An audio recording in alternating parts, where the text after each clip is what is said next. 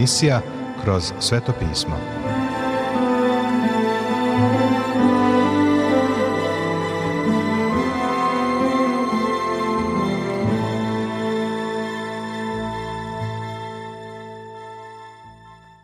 Dobroveče, poštovani slušaoci i dobrodošli u još jednu emisiju programa Kroz sveto pismo, programa koji je za vas napisao Vernon McGee, a pročitao Branko Bjelajac. Želimo vam prijetno i blagoslovljeno slušanje.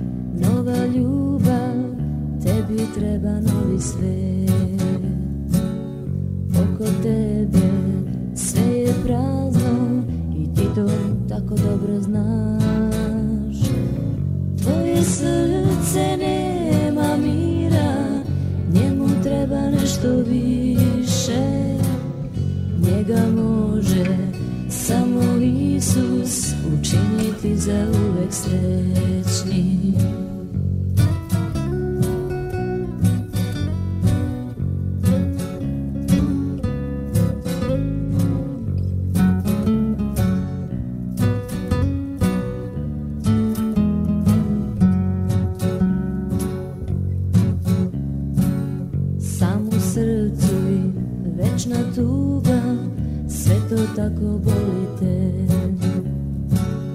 Tamo gde se rađa duga Dobri gospod čekate Tvoje srce nema mira Njemu treba nešto više Njega može samo Isus Učiniti za uvek srećnim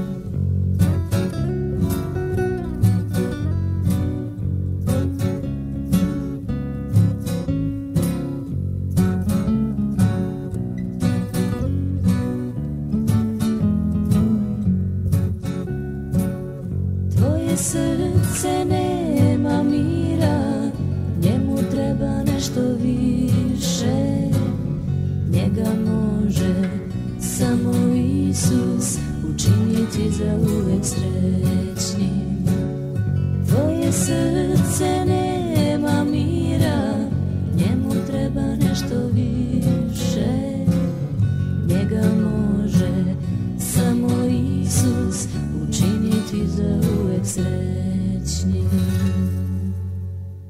Današnje proučavanje Svetoga pisma nastavljamo u Svetom pismu Novoga Zaveta – u prvoj poslanici Timotejevoj, u drugom poglavlju. I nastavljamo naše razmatranje na temu o molitvi žene u crkvi. I sada dajemo odgovor doktora Megija na pismo koje smo pročitali u prethodnom nastavku. Takvim ženama i svim ostalim želim ovo da kažem. Da li ste se ikada zaustavile i shvatile da kada se vaš muž zaljubio u vas, tada je mislio da ste lepe? Da, mislio je tako. Nikada neću zaboraviti onu noć kada sam upoznao svoju ženu. Bila je letnja noć u Teksasu. Bili smo pozvani u posetu i na večeru kod zajedničkih prijatelja. Iskreno govoreći, ti prijatelji su se trudili da nas povežu. Nisam želeo da idem jer sam te večeri imao neku obavezu.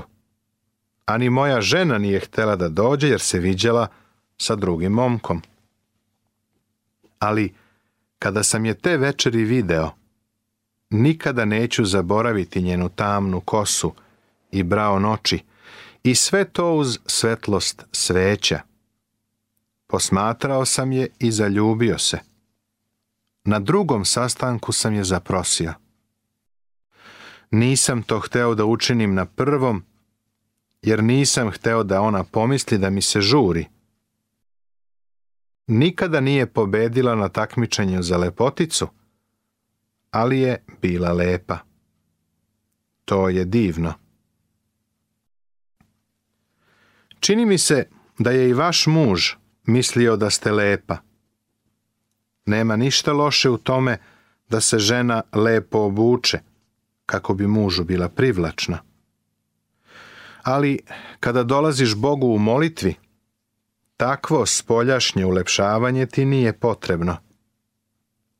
Potrebno ti je unutrašnje ulepšavanje.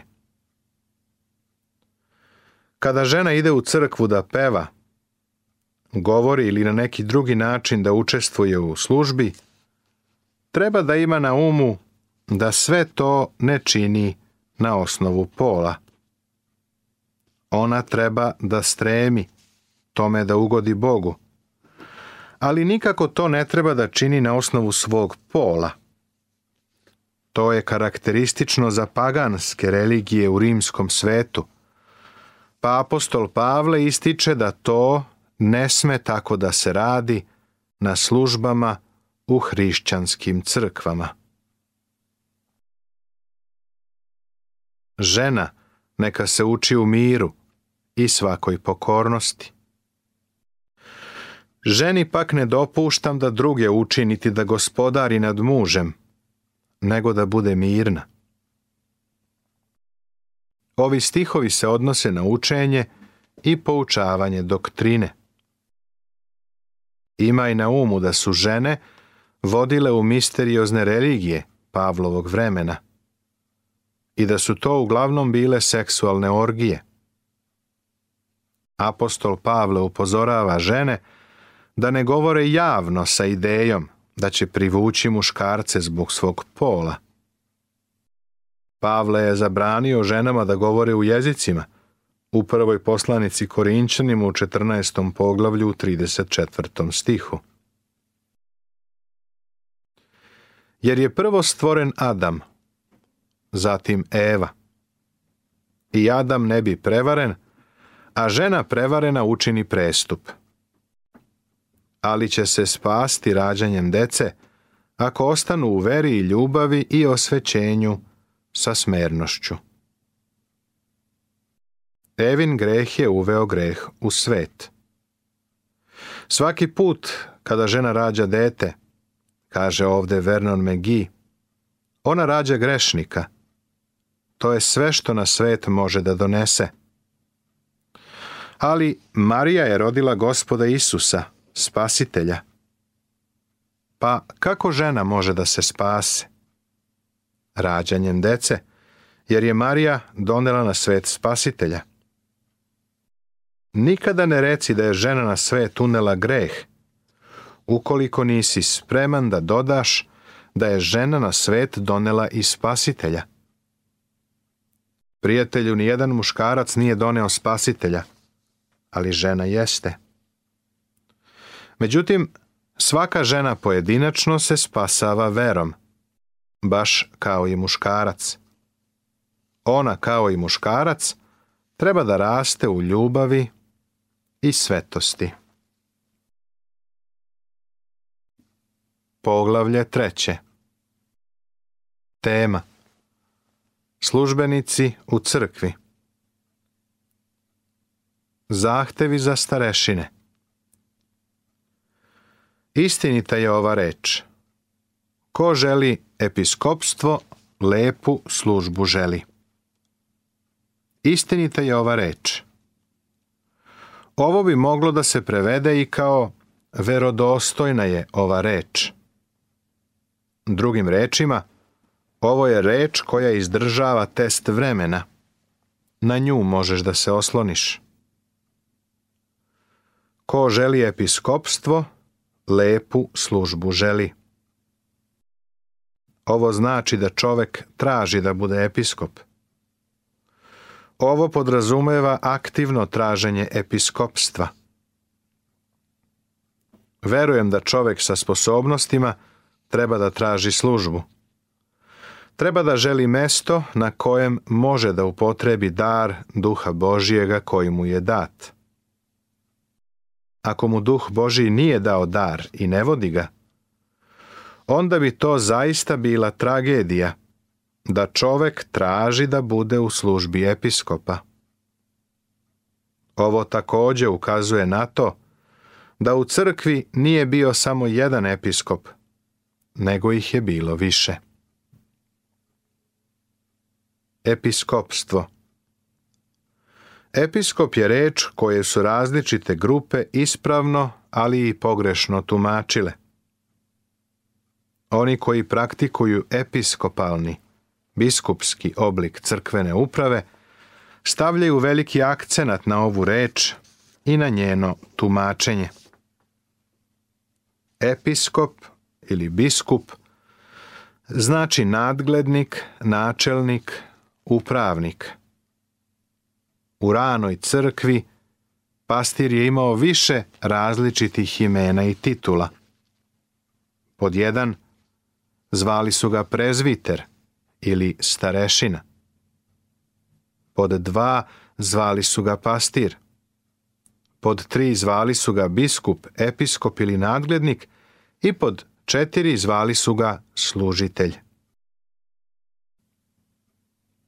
Pastira nikada nisu zvali časni, poštovani. A ja mislim da ni jedan propovednik ne treba tako da se zove. Časni je onaj koji izaziva strahopoštovanje, a to je naziv koji odgovara samo Bogu. Smatram da se termini starešina i episkop odnose na istu osobu.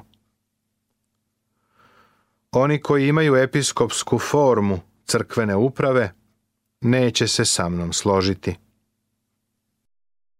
Verujem da se upotreba reči starešina, presbuteros na grčkom, odnosi na osobu koja je u službi, što znači da treba da bude zreo hrišćanin.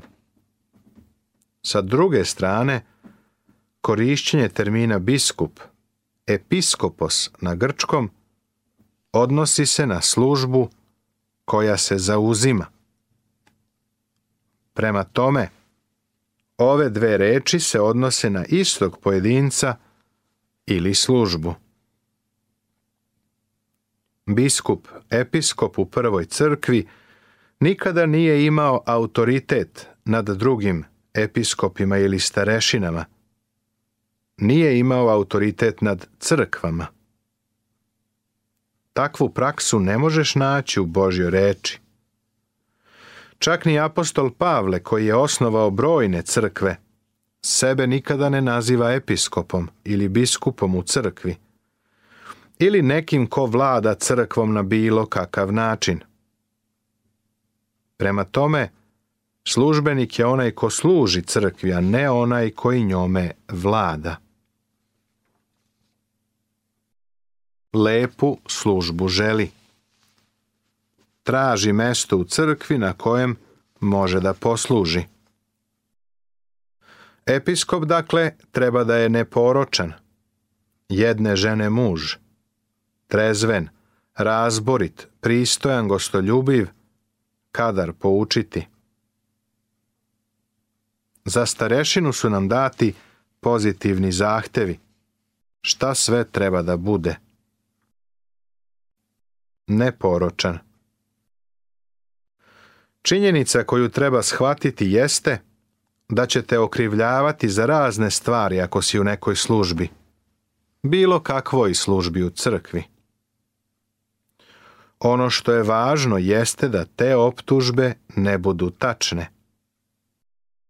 Starešina mora da bude neporočan ili besprekoran u tom smislu da ne mogu da dokažu njegovu krivicu ni u čemu zašta ga optužuju.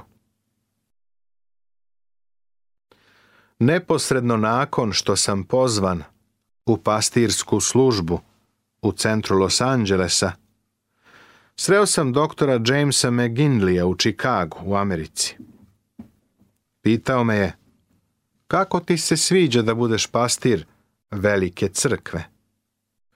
Pa rekao sam, to je divna prilika, ali sam se našao u jedinstvenom položaju – Za mnoge stvari me optužuju, a ja ne mogu da se odbranim. Ne možeš sve svoje vreme da provodiš dajući svima odgovore.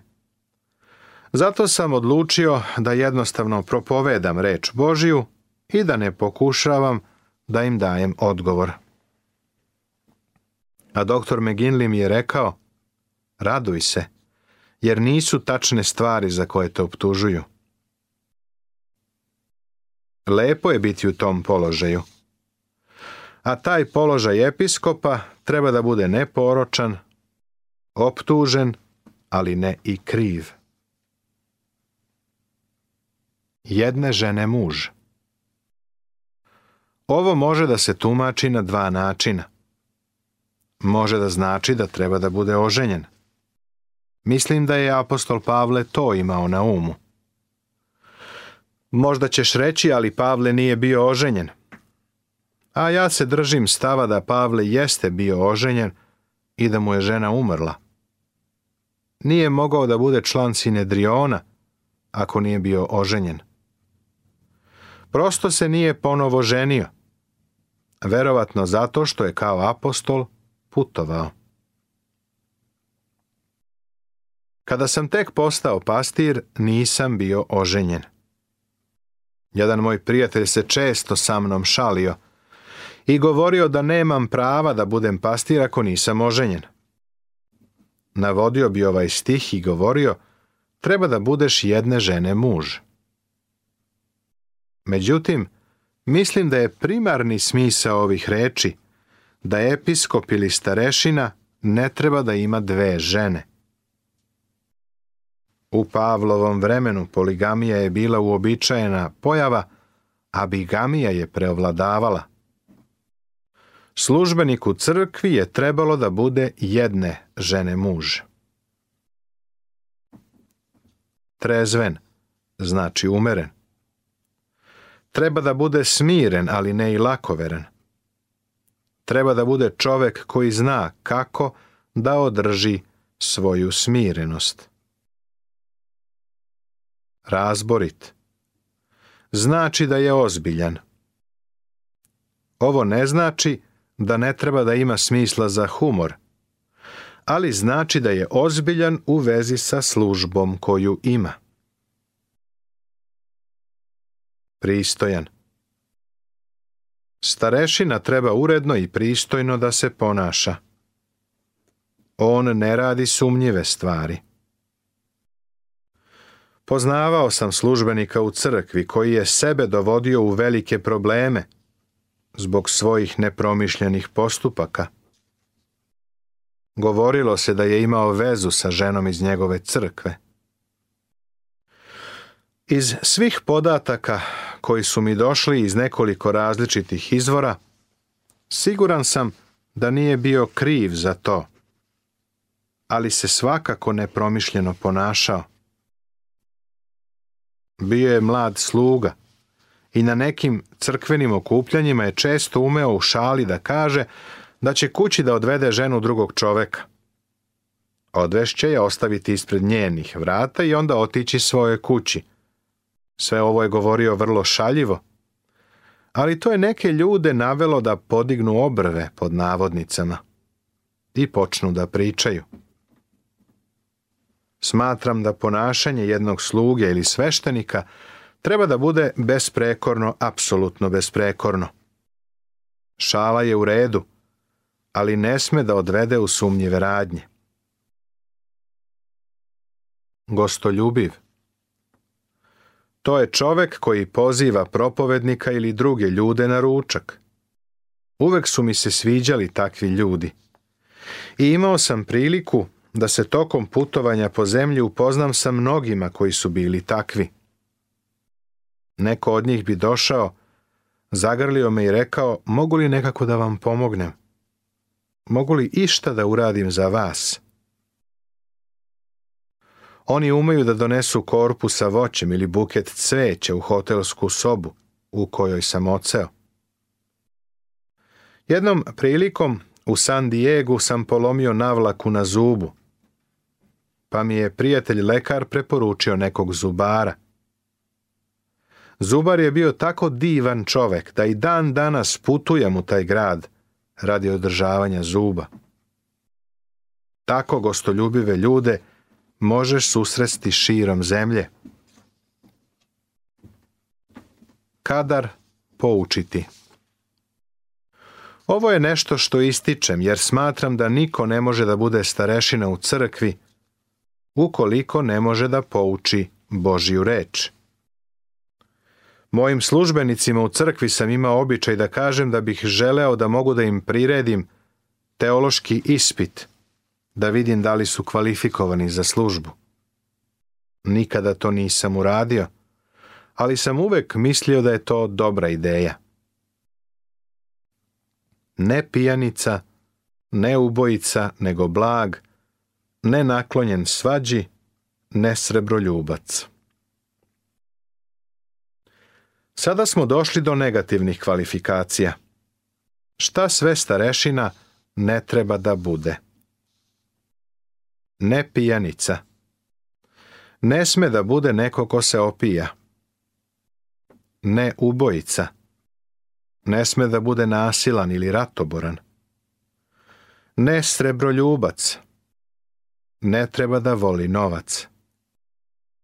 Ljubav prema novcu je koren svakoga zla, tako piše u Svetom pismu. Način na koji crkveni radnik upravlja novcem može da ga odvede u veliku nevolju, bilo da je u pitanju njegov ili crkveni novac. Blag znači razuman, razborit. To treba da bude razuman čovek sa kojim možeš da razgovaraš. Nenaklonjen svađi. Ne sme da bude svadljiv. Ljudi koji stalno izazivaju neke nevolje u crkvi nikada ne treba da budu izabrani u službu. Nastavit će se.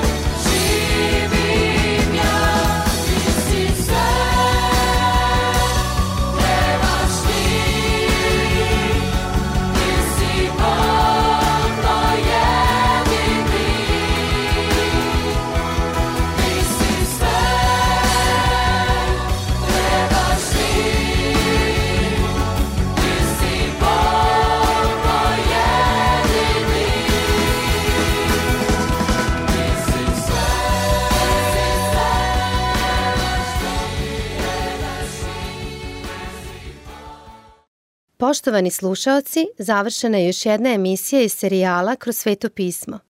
Ovaj program možete da slušate svakog radnog dana na talasnoj dužini od 1548 kHz u vremenu od 22 sata do 22 sata i 30 minuta. Ukoliko želite da nam se javite, da nas pohvalite ili pokudite, da nam predložite izmene kojima bismo mogli da poboljšamo naš program, ali i da vas nagradimo kakvom dobrom hrišćanskom knjigom, Novim Zavetom ili celom Biblijom. Na raspolaganju su vam telefon, elektronska pošta ili obična pošta. Broj našeg telefona je plus 381 062 396 331. Adresa redakcije glasi Poruke, Poštanski fah 37 11060 Beograd. Elektronskom poštom nas možete kontaktirati na kroz at gmail.com.